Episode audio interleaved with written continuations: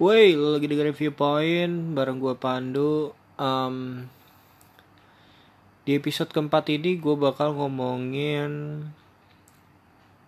terkait dengan fenomena yang kembali terjadi setiap menjelang pemilu yaitu muncul munculnya golput entah itu menjadi sebuah gerakan atau individual sikap individu yang akhirnya memunculkan um, ya apa namanya berimplikasi terhadap meningkatnya pembicaraan terkait dengan golput gitu. Dalam konteks ini misalnya menjelang pilpres. Um, di episode ketiga gue sempat nyinggung juga gitu kalau misalnya um, gua pengen ngomongin terkait dengan golput. Apakah golput itu adalah hak atau kewajiban? Apakah golput itu dilarang? Um, again ini berdasarkan perspektif gua gitu melihat um, golput ini gitu. Pertama-tama gue pengen bilang kalau golput itu adalah hak warga negara gitu alasannya bisa macem-macem. Kalau misalnya berkaca kepada latar belakang golput itu sendiri sebenarnya kan terjadi pada pemilu tahun 71 Arif Budiman dan kawan-kawan um, mencetuskan atau memelopori gerakan golput ini sebagai wujud protes sebagai bentuk protes terhadap um, pemilu di masa itu kan masih orde baru ya. Pemilu di orde baru yang sebenarnya uh, cuma akal-akalan aja gitu. Yang sebenarnya pemilu itu di adain sebenarnya udah kayak seremonial aja gitu. Artinya udah tahu siapa pemenangnya. Um, ya udah that's it gitu loh.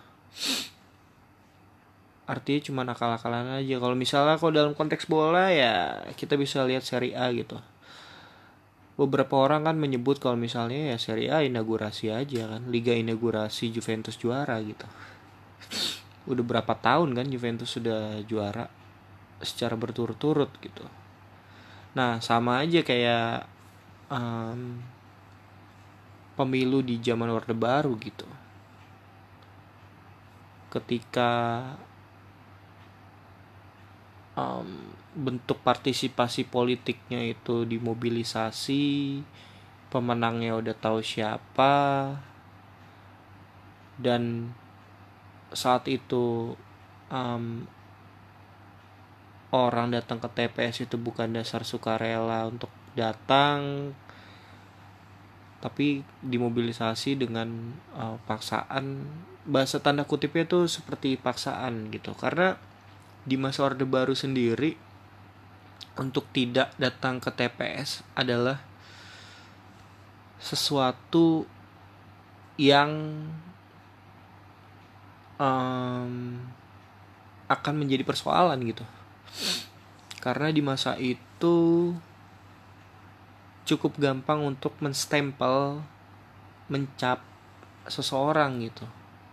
Karena ketika misalnya orang tidak datang ke TPS ya bisa dicap sebagai simpatisan PKI atau enggak loyalis Soekarno kayak gitu. Cap-cap itu yang akhirnya membuat partisipasi politik ketika zaman Orde Baru itu sangat tinggi gitu. Karena emang e, bentuk partisipasi politiknya itu dimobilisasi gitu um, secara jelas misalnya Huntington kalau nggak salah dalam buku lupa gue tahun 94 itu uh, dia pernah menulis kalau misalnya ada dua bentuk partisipasi politik gitu. Yang pertama partisipasi politik sukarela yaitu partisipasi politik yang dilakukan secara sadar, secara rasional dilakukan oleh setiap warga negara gitu. Artinya mereka secara sadar untuk misalnya um, ketika misalnya harus uh, masa-masa pemilu misalnya ketika pemilu dia bisa berpartisipasi berpartisipasi aktif misalnya memilih dari pilihan yang ada kayak gitu. Secara sukarela gitu. Tidak ada paksaan tidak ada mobilisasi dan lain-lain nah bentuk partisipasi politik kedua menurut uh, Huntington ya partisipasi politik yang dimobilisasi dan cara-cara ini yang dipakai ketika masa orde baru gitu ketika pemilu cuman dia dijadikan apa ya kayak semacam seremonial belaka ketika misalnya siapa yang menang dan siapa yang kalah itu udah diketahui sejak awal gitu. Jadi akal-akalan aja. Nah, ketika kita membaca konteks golput di tahun 71 seperti yang udah gue bilang di awal kalau misalnya itu kan bentuk sebagai bentuk protes mereka tetap datang ke TPS karena gue bilang tadi kalau misalnya tidak datang datang ke TPS juga akan jadi persoalan kan? Mereka tetap datang TPS tapi mencoblos surat atau bagian putih dari surat suara kayak gitu jadi tidak memilih pilihan yang ada saat itu. Nah kalau berkaca pada masa setelah reformasi kan golput akhirnya mengalami pergeseran menurut gue ya pergeseran makna gitu. Kalau yang sebelumnya diartikan mereka tetap datang ke bilik suara terus mencoblos uh, surat suara yang apa namanya kosong atau bagian putihnya surat suara Nah, ketika masa-masa reformasi ini, narasi dan kajian terkait dengan golput itu sendiri mengalami pergeseran makna. Dari tadinya uh, yang 71 itu udah gue jelasin di awal, bentuknya itu kayak gimana. Nah, kalau di sekarang ini golput itu diartikan lebih luas gitu. Bukan hanya mereka yang tidak mencoblos um, pilihan yang ada atau membuat suara itu tidak sah ketika di bilik suara tapi juga ada golput golput yang diartikan misalnya golput administrasi gitu.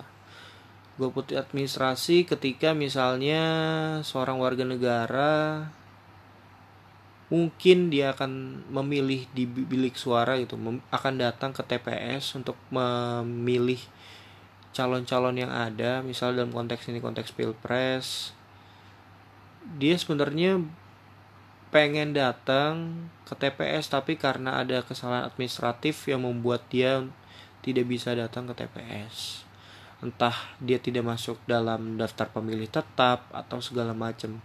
Karena kalau kita bicara tentang DPT ini kan selalu bermasalah gitu kan setiap tahunnya gitu either misalnya yang meninggal masih masuk DPT atau misalnya TNI Polri masuk DPT kayak gitu gitulah dan potensinya itu cukup besar gitu bisa sekitar 5 sampai 10 jutaan gitu setiap eh, masa-masa uh, pemilu gitu. Nah itu. Terus kalau misalnya dianggap uh, golput ini sebagai ancaman demokrasi ancaman mananya gitu. Karena kalau misalnya kita menggunakan asumsi itu artinya ketika partisipasi politik tinggi maka kualitas demokrasi itu baik di suatu negara ya buktinya Orde Baru itu partisipasi politiknya cukup tinggi gitu. Selalu di atas 90% tapi apakah kualitas demokrasinya baik? Ya enggak gitu. Ketika lo menyuarakan sesuatu yang berbeda lo bisa di penjara bisa dihilangkan macem-macem gitu efeknya kan. Sejarah membuktikan itu gitu. Bahkan ketika misal terjadi kerusuhan 98 beberapa aktivis yang sampai sekarang tuh masih hilang kan sampai sekarang. Dan nggak tahu mereka keberadaannya kayak gimana gitu. Jadi sekali lagi bentuk partisipasi politik politik yang tinggi itu tidak berbanding lurus dengan peningkatan kualitas demokrasi gitu. Justru ketika misalnya masa reformasi ini kan uh, angka golput ini lama-lama tuh cukup tinggi gitu sekarang tuh kalau kita uh, melihat data terjadi peningkatan angka golput gitu atau mungkin mengalami bahasanya mungkin stagnasi atau uh, berada di kisaran selalu 70% itu untuk partisipasi politiknya. Artinya ada 30% mereka yang tidak memilih entah ada kesalahan administrasi atau segala macam atau memang mereka yang secara sadar dan secara rasional memilih untuk tidak memilih gitu. Bahkan ya beberapa kalangan juga menyuarakan, bukan menyuarakan ya. Dan tidak mengajak juga sebenarnya. Ya atau mereka beropini ketika misalnya eh daripada um, suara lo ini disalahgunakan segala macam ya udah lo datang aja ke TPS terus kalau misalnya nggak ada yang mewakili aspirasi politik lo ya udah nggak usah lo coblos atau lo coblos dua-duanya ibaratnya kalau misalnya kita bicara uh, pilpres yang sekarang memunculkan dua pasangan calon gitu pilih aja dua-duanya yang penting suara kita tidak disalahgunakan kayak gitu. nah akhirnya kan kemudian uh, kita harus cari uh, root cause-nya sendiri dari golput itu uh, kenapa misal angkanya cukup besar dan lain-lain gitu. Misalnya ada beberapa sarjana yang bilang kalau misalnya tingginya angka golput ini disebabkan oleh kekecewaan mereka terhadap praktek-praktek politik yang ada saat ini misalnya tingginya angka korupsi um, kedua misalnya emang tidak adanya pilihan yang bisa mewakili aspirasi politik mereka atau faktor-faktor um, lain gitu di luar itu. Intinya tuh sebenarnya ya menurut gua ya menurut gua pribadi subjektif ya sebenarnya kalau orang yang secara sadar dan rasional terhadap uh, pilihannya untuk golput ya nggak terlepas dari kekecewaan mereka terhadap pilihan-pilihan yang ada, praktek-praktek politik yang ada sekarang gitu. Artinya mereka mungkin ada yang beranggapan ketika misalnya ya udahlah, ketika gue memilih pun implikasinya terhadap diri gue sendiri pun apa gitu. Ada yang berpendapat seperti itu. Tapi ada pula yang uh, memutuskan untuk golput ya memang karena mereka itu tadi merasa suaranya tidak terwakili dari pilihan yang ada, dampak dari undang-undang pemilu yang cukup ketat terhadap um, pencalonan presiden misalnya, threshold yang tinggi sehingga tidak memunculkan calon-calon alternatif yang ada gitu. Artinya sekarang kan tidak ada partai yang begitu dominan gitu untuk bisa mereka mencalonkan diri uh, mencalonkan misalnya kadernya sebagai calon presiden gitu. Akhirnya menurut gua pemilu yang akan datang pun misalnya di 2024, 2029 ketika misalnya undang-undang pemilu ini tetap uh, menetapkan threshold yang tinggi ya akhirnya muncul dua pilihan aja gitu atau tiga pilihan maksimal. Karena partai-partai ini tidak bisa memajukan uh, kadernya sendiri atau calon mengusung calonnya sendiri ketika thresholdnya ini cukup tinggi. Partai besar partai besar pun mereka harus berkoalisi kayak gitu.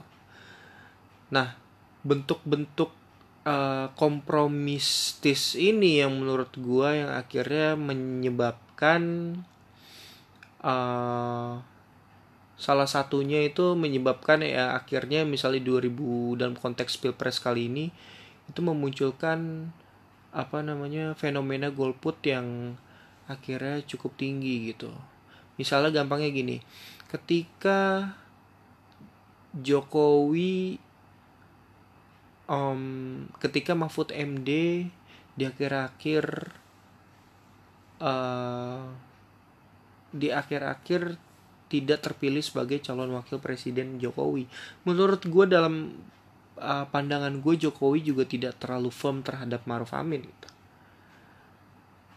Karena mungkin secara pribadi ya Jokowi cocok sama Mahfud MD tapi lagi-lagi ini kan masalah kompromistis partai koalisi kan. Mereka juga ada hitung-hitungan matematis gitu. Ketika misalnya uh, di 2024 um, di di 2024 ini ada pemilihan presiden lagi otomatis mereka tanda kutip takut dong tidak bisa memunculkan kadernya sendiri untuk maju sebagai uh, presiden ketika misalnya Mahfud MD ber, bisa berkesempatan untuk maju di situ. Karena tahu sendiri kan latar belakang Mahfud MD pun dikenal sebagai bukan hanya uh, ahli hukum tapi juga emang ya politisi gitu. Mahfud MD pernah uh, berada di eksekutif, setahu gue pernah jadi menteri. Um, pernah di yudikatif ya ketua MK pernah juga uh, di DPR uh, correct me if I'm wrong ya. Pernah juga artinya semua apa namanya semua lembaga negara bukan lembaga negara semua uh, posisi atau struktur politik yang ada di Indonesia itu pernah diduduki sama beliau gitu. Nah, akibat keluasan ini partai-partai yang ada itu tuh dalam tanda kutip tuh takut kalau misalnya di 2024 mereka tidak bisa uh, mengusung uh, atau ya bas tanda kutip mereka itu kurang nyaman lah posisinya terhadap uh, Mahfud MD gitu sehingga ya udah memutuskan untuk mengusung Maruf Amin karena dari sisi usia dan lain-lain di 2024 tuh hampir tidak mungkin gitu Maruf Amin akan misalnya dicalonkan sebagai presiden. Jadi sebenarnya uh, faktor-faktor kompromistis yang pragmatis seperti itu yang akhirnya memunculkan kecewaan.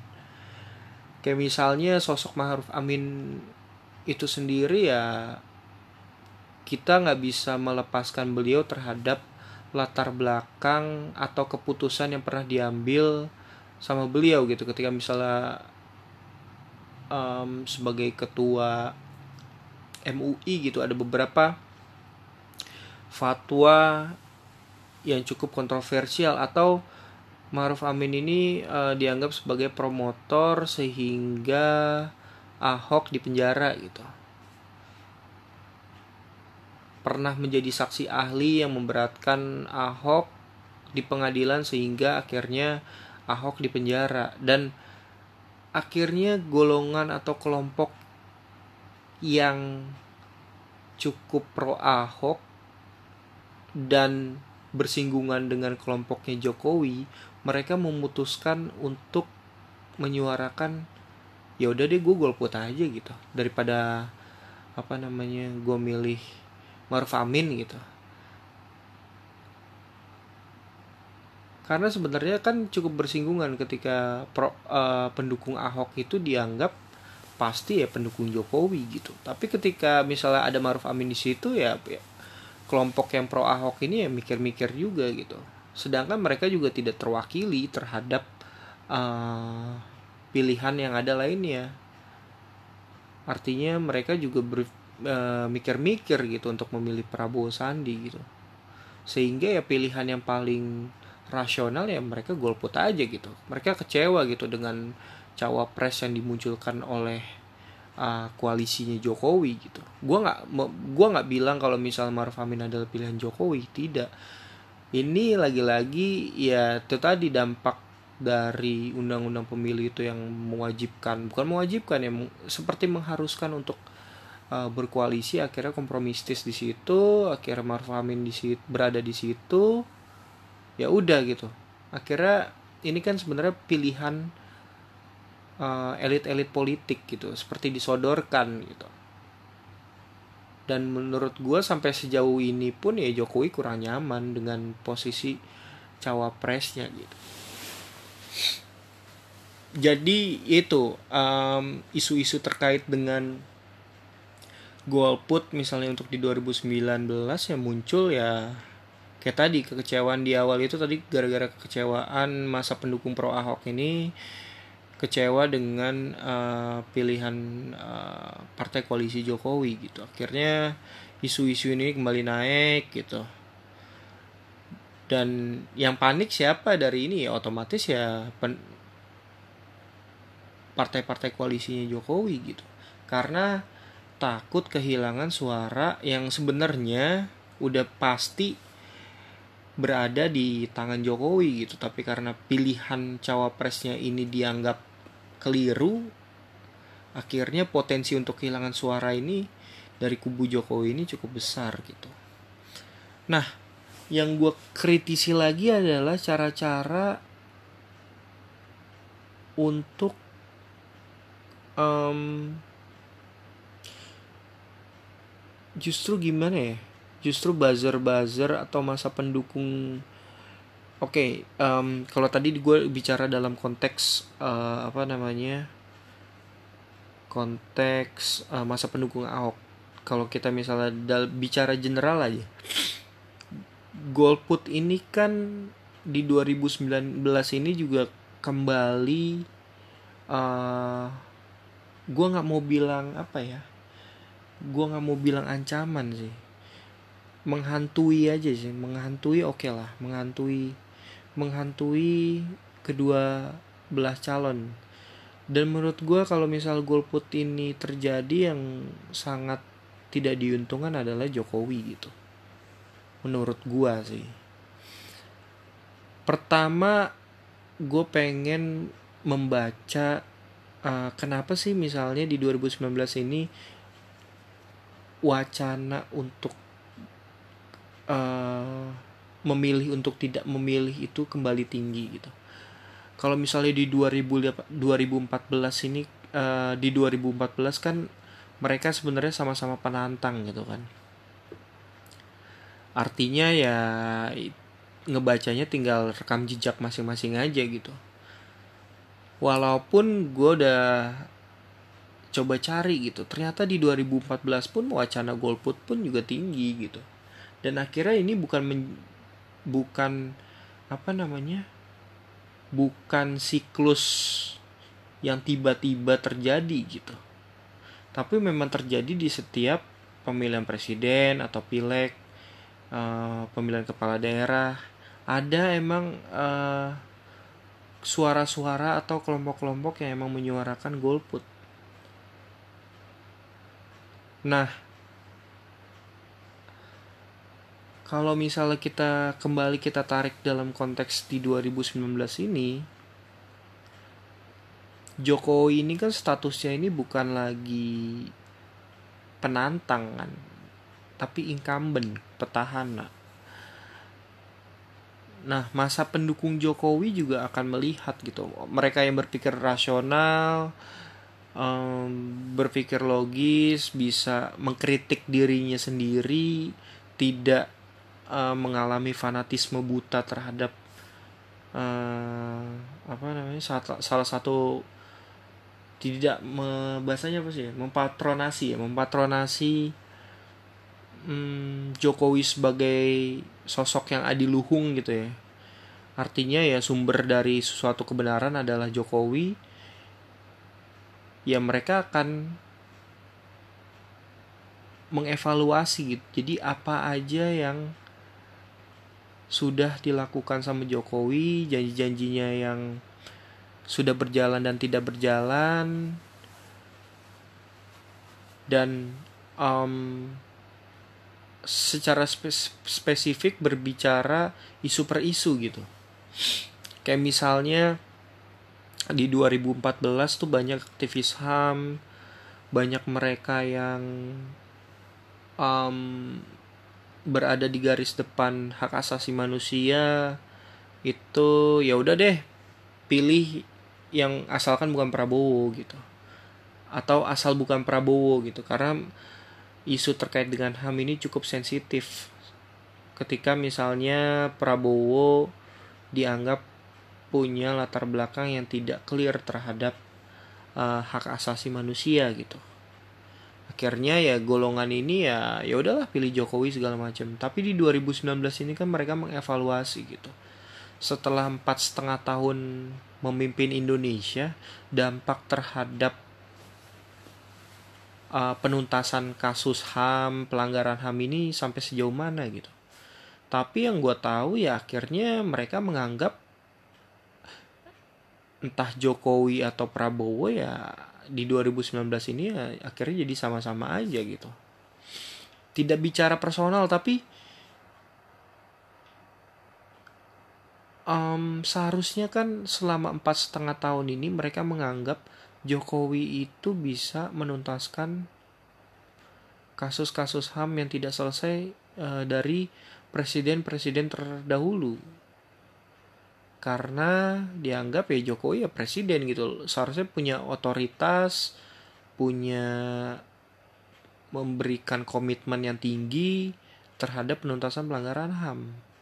Tapi ya akhirnya mereka menganggap kalau misalnya Jokowi itu juga terkungkung dengan orang-orang yang diduga melakukan pelanggaran HAM yang berada di kelompoknya gitu yang berada di sekelilingnya Jokowi gitu. Akhirnya untuk menuntaskan itu Jokowi juga mengalami kesulitan mengalami kegagapan gitu. Nah kelompok-kelompok yang cukup sensitif ini yang akhirnya memutuskan ya udahlah gue golput aja gitu. Karena didasari tadi hak uh, aspirasinya tidak terwakili mengalami kekecewaan terhadap jalannya pemerintahan yang ada. Dan lagi-lagi ya golput itu adalah hak gitu. Jadi agak lucu ketika misalnya mereka yang um, entah tim ses satu atau dua ini ribut gitu meributkan terkait dengan golput apalagi kalau udah wacananya tuh atau narasinya tuh udah melebar ketika misalnya woi lo kan golput nih. Terus lo nggak punya ini dong nggak punya wewenang untuk mengkritik ketika misalnya presiden terpilih itu tidak mewakili aspirasi lo ya kritik ya kritik aja gitu. Hak warga negara gitu. Jadi akhirnya lucu gitu. Pengen mengajak mereka yang golput untuk memilih calonnya tapi dengan cara-cara yang menurut gue kurang bijak dan kurang tepat. Sehingga menyebabkan orang-orang yang golput ini semakin yakin dengan pilihannya untuk golput gitu. Ibaratnya lo ngeributin orang yang golput gitu. Bukan mengajaknya pelan-pelan um, menjelaskan kalau misalnya uh, calon lo tuh lebih baik gini gini gini apa yang akan dilakukan ke depan program yang sedang berjalan apa misalnya ini uh, bicara Jokowi misalnya. Oh iya ini belum selesai tapi kita punya komitmen di lima tahun ke depan untuk menyelesaikan gini gini gini. Bukan meyakinkan orang-orang yang golput ini untuk berpindah ke gerbongnya tapi sekarang kan yang ada malah ngeributin yang akhirnya juga orang-orang yang awalnya golput ya udah gue golput aja gitu. Karena mereka nggak merasa diyakini gitu dengan pilihan-pilihan yang ada. Atau bahkan ya gara-gara kelakuan buzzer-buzzer ini tim ses tim ses ini yang menurut gue udah cukup katro ini akhirnya angka golput juga semakin tinggi. Yang tadinya mungkin orang-orang oh ya udah deh uh, swing voters swing voters ini akhirnya milih gitu untuk ya udahlah gue golput aja lah. Katro tim ses 1 tim ses 2 yang kerjanya ribut segala macem gitu. Akhirnya udah capek sendiri ngelihat uh, media sosial kita cukup riuh cukup rusuh gitu. Akhirnya ya udah gara-gara katro mereka ya udah golput aja gitu. Dan menurut gue tuh uh, either pasangan nomor satu sama du sama dua ini tuh mereka seperti berada di ruang gemanya sendiri gitu. Mereka tidak secara berani benar-benar mengkritik pasangan yang mereka dukung gitu. Berani berpikir rasional berani meyakinkan swing voters yang ada untuk bisa memilih calonnya gitu.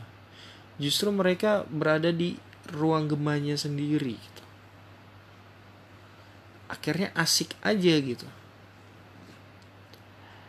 Dan pertanyaannya adalah kalau misalnya um, di 2019 ini apakah gue akan golput atau enggak gue tetap akan memilih gitu tapi secara sadar dan rasional gitu atas pilihan-pilihan politik gue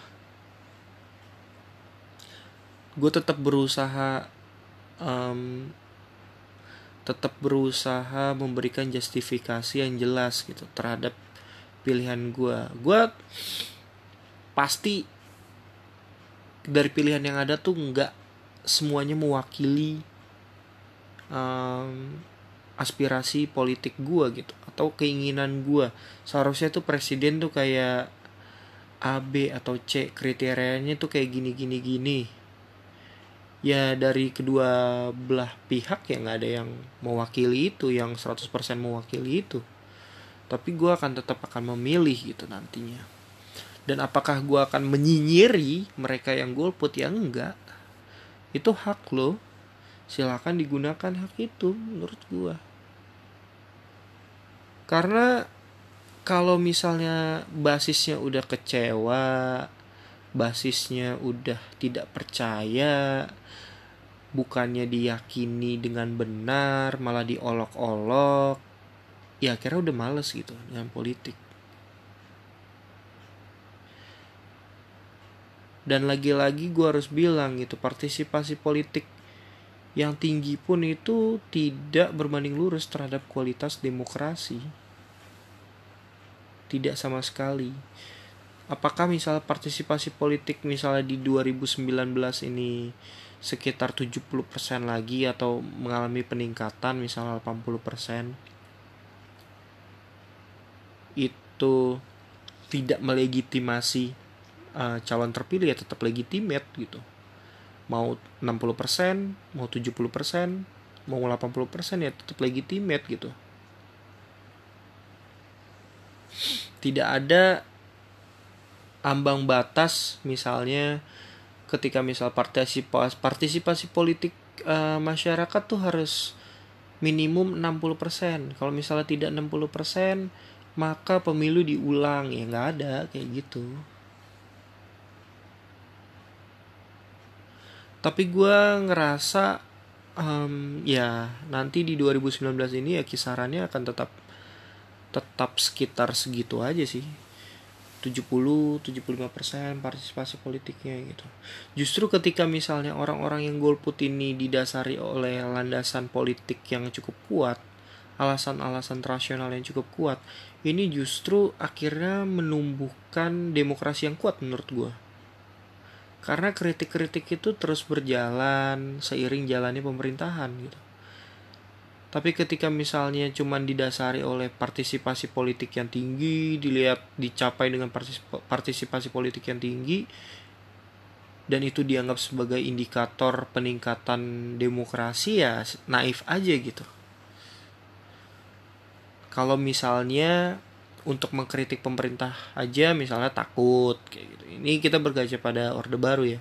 Takut tidak diberikan kebebasan dan lain-lain tapi ketika misalnya di 2019 ini angka partisipasi politiknya hanya misalnya 75% atau 80%, tapi misalnya disertai dengan kritik sosial yang um, misalnya berbasis dengan data dan lain-lain ini um, mereka yang golput ini berperan sebagai uh, watchdog atau kontrol berperan sebagai kontrol terhadap jalannya pemerintahan sebagai masyarakat sipil yang uh, merdeka yang mereka bisa menyampaikan kritiknya secara bebas. Tentu ya berbasis data bukan head speech dan lain-lain. Justru ini akhirnya menurut gua sebagai indikator demokrasi yang sehat gitu dan gua nggak pernah menganggap golput itu sebagai ancaman terhadap demokrasi. Ancaman demokrasinya di mana gitu? Lo letaknya itu di mana gitu? Ketika misalnya partisipasi politik tinggi tapi nggak punya kebebasan untuk hak untuk berserikat, hak untuk bersuara, hak menyatakan pendapat, hak untuk berkelompok, hak untuk uh, bisa apa namanya uh, hak untuk bisa beribadah dan lain-lain. Ya buat apa gitu. Jadi gue nggak bisa melihat itu gitu sebagai ancaman suatu ancaman demokrasi. Jadi selama selama rakyat ini tidak diberikan alternatif yang cukup banyak terhadap hmm, apa ya ketika rakyat ini tidak bis tidak dap, um, tidak diberikan cukup ruang atau cukup alternatif pilihan yang bisa mewakili aspirasi politik mereka ya why not gitu untuk golput gitu nggak ada salahnya sama sekali gitu. Dan gue pikir wacana tentang golput ini ya akan terus ada gitu. Sepanjang um, kita menganut demokrasi dan ya nggak apa-apa juga gitu. Nggak usah diributin. Yang ribut kan hanya ini aja kan tim ses tim ses yang ngerasa uh, orang-orang golput ini mewakili sebenarnya itu sebenarnya itu uh, apa namanya berada di golongannya mereka gitu tadinya kemudian memutuskan untuk golput. Akhirnya kan kayak gitu. Karena kalau kita bicara sendi bicara terkait misalnya kita tuh partai politik ada berapa sih?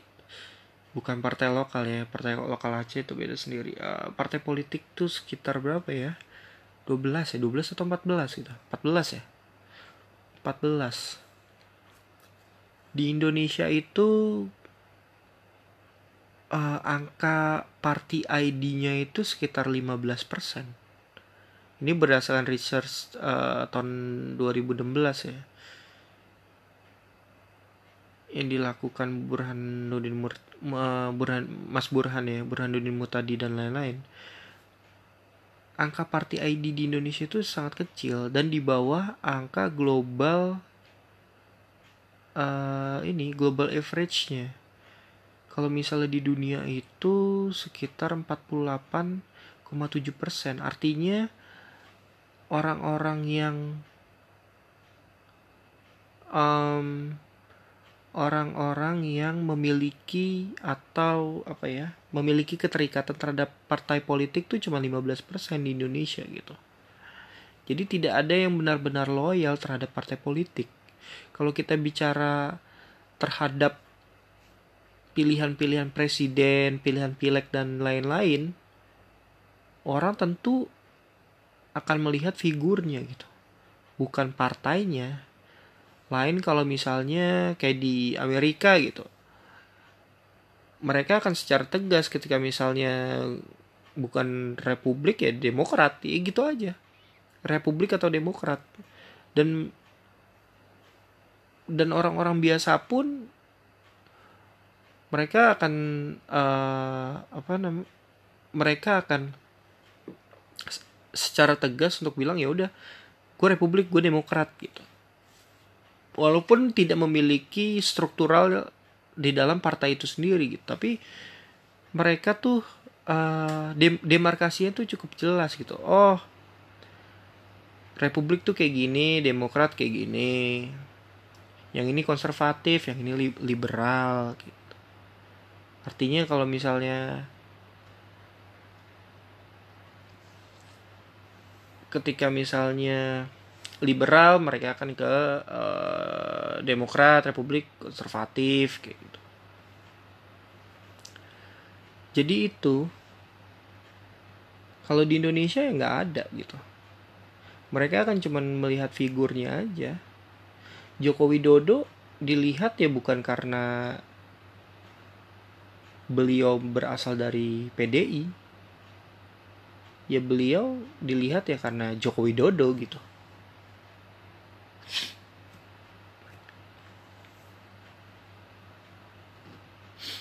Ridwan Kamil dilihat bukan dari siapa yang mengusungnya, partai pengusungnya. Tapi ya siapa Ridwan Kamilnya gitu. Jadi seperti itu. Artinya juga peran partai politik ini juga menurut gue cukup krusial di Indonesia. Yang seharusnya mereka punya peran untuk memberikan edukasi politik, bisa memberikan sosialisasi uh, bagaimana politik itu dimaknai sebagai sesuatu yang penting. Nah peran-peran ini kan yang nggak dimainkan selama ini gitu. Dan akhirnya peran partai politik ini pun akhirnya sangat kecil yang terkesan pragmatis aja yang hanya muncul ketika lima tahun sekali.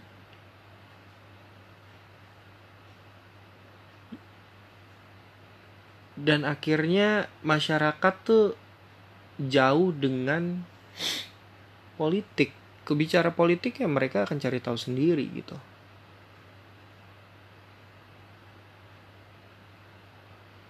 Either mau tahu atau ya udah gue nggak mau tahu kalau di Indonesia kayak gitu partai peran partai politiknya itu sangat minim cuman datang ketika misalnya pemilu dan hanya mengharapkan apa nama di mengharapkan untuk dipilih. Ketika saat saat pileg saat pilpres. Tapi ketika sudah selesai mereka juga lupa bahkan kader-kadernya juga ketika menjadi duduk di anggota dewan juga nggak jelas. Ya akhirnya itu cak akhirnya alasan-alasan itu yang akhirnya membuat orang tuh untuk golput gitu. Ya ngapa ya ada beberapa orang mungkin ya. Ya ngapain gue ngapain gue memilih orang yang di parlemen aja kerjanya tidur tidak menghasilkan produk undang-undang yang berkualitas ya misalnya kayak sekarang nih ribut-ribut RUU permusikan kita kan baru tahu gitu ternyata naskah akademiknya salah satu referensinya diambil dari blogspot dan kacrut nggak menjawab persoalan persoalan RU-nya berantakan. Tapi kan kita baru tahu gitu ketika misalnya uh, masyarakat sipil ini bergerak untuk mereview um, RU tersebut gitu jangan-jangan ya ternyata produk politik eh produk hukum uh, produk legislasi produk legislasi yang lain itu yang memang bermasalah semua gitu. Bukan hanya yang sekarang uh, lagi ribut-ribut terkait dengan RUU permusikan.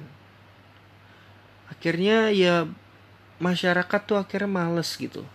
Bersentuhan dengan politik gitu. Politik dianggap sesuatu yang elitis sesuatu yang jauh. Dan membicarakan politik itu akhirnya um, tidak menjadi sebuah kesenangan gitu.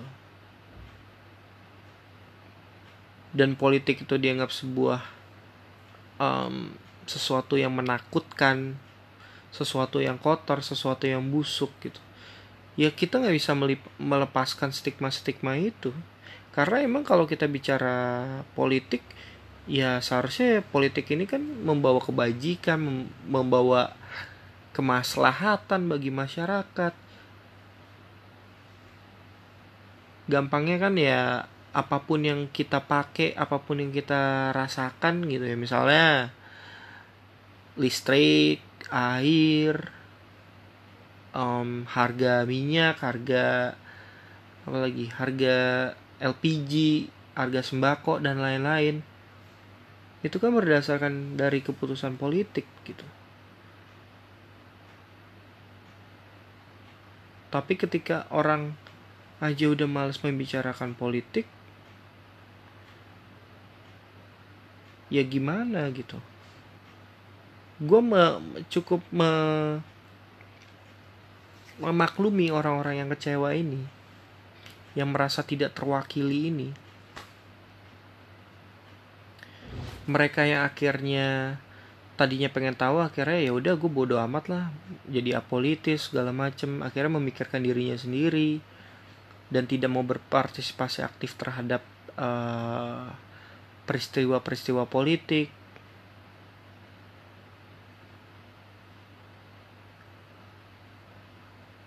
Ya mereka yang jauh-jauh ini menurut gua apa ya? Hmm, bisa dianggap sebagai bentuk protes kayak mungkin iya protes. Tadinya mungkin mereka pengen dekat kemudian melihat realitas politik hari ini kayak gini ribut terus segala macam mereka jauh kira ya udah politis aja. Ya begitulah menurut gue salah satu alasan banyak yang golput juga kayak gitu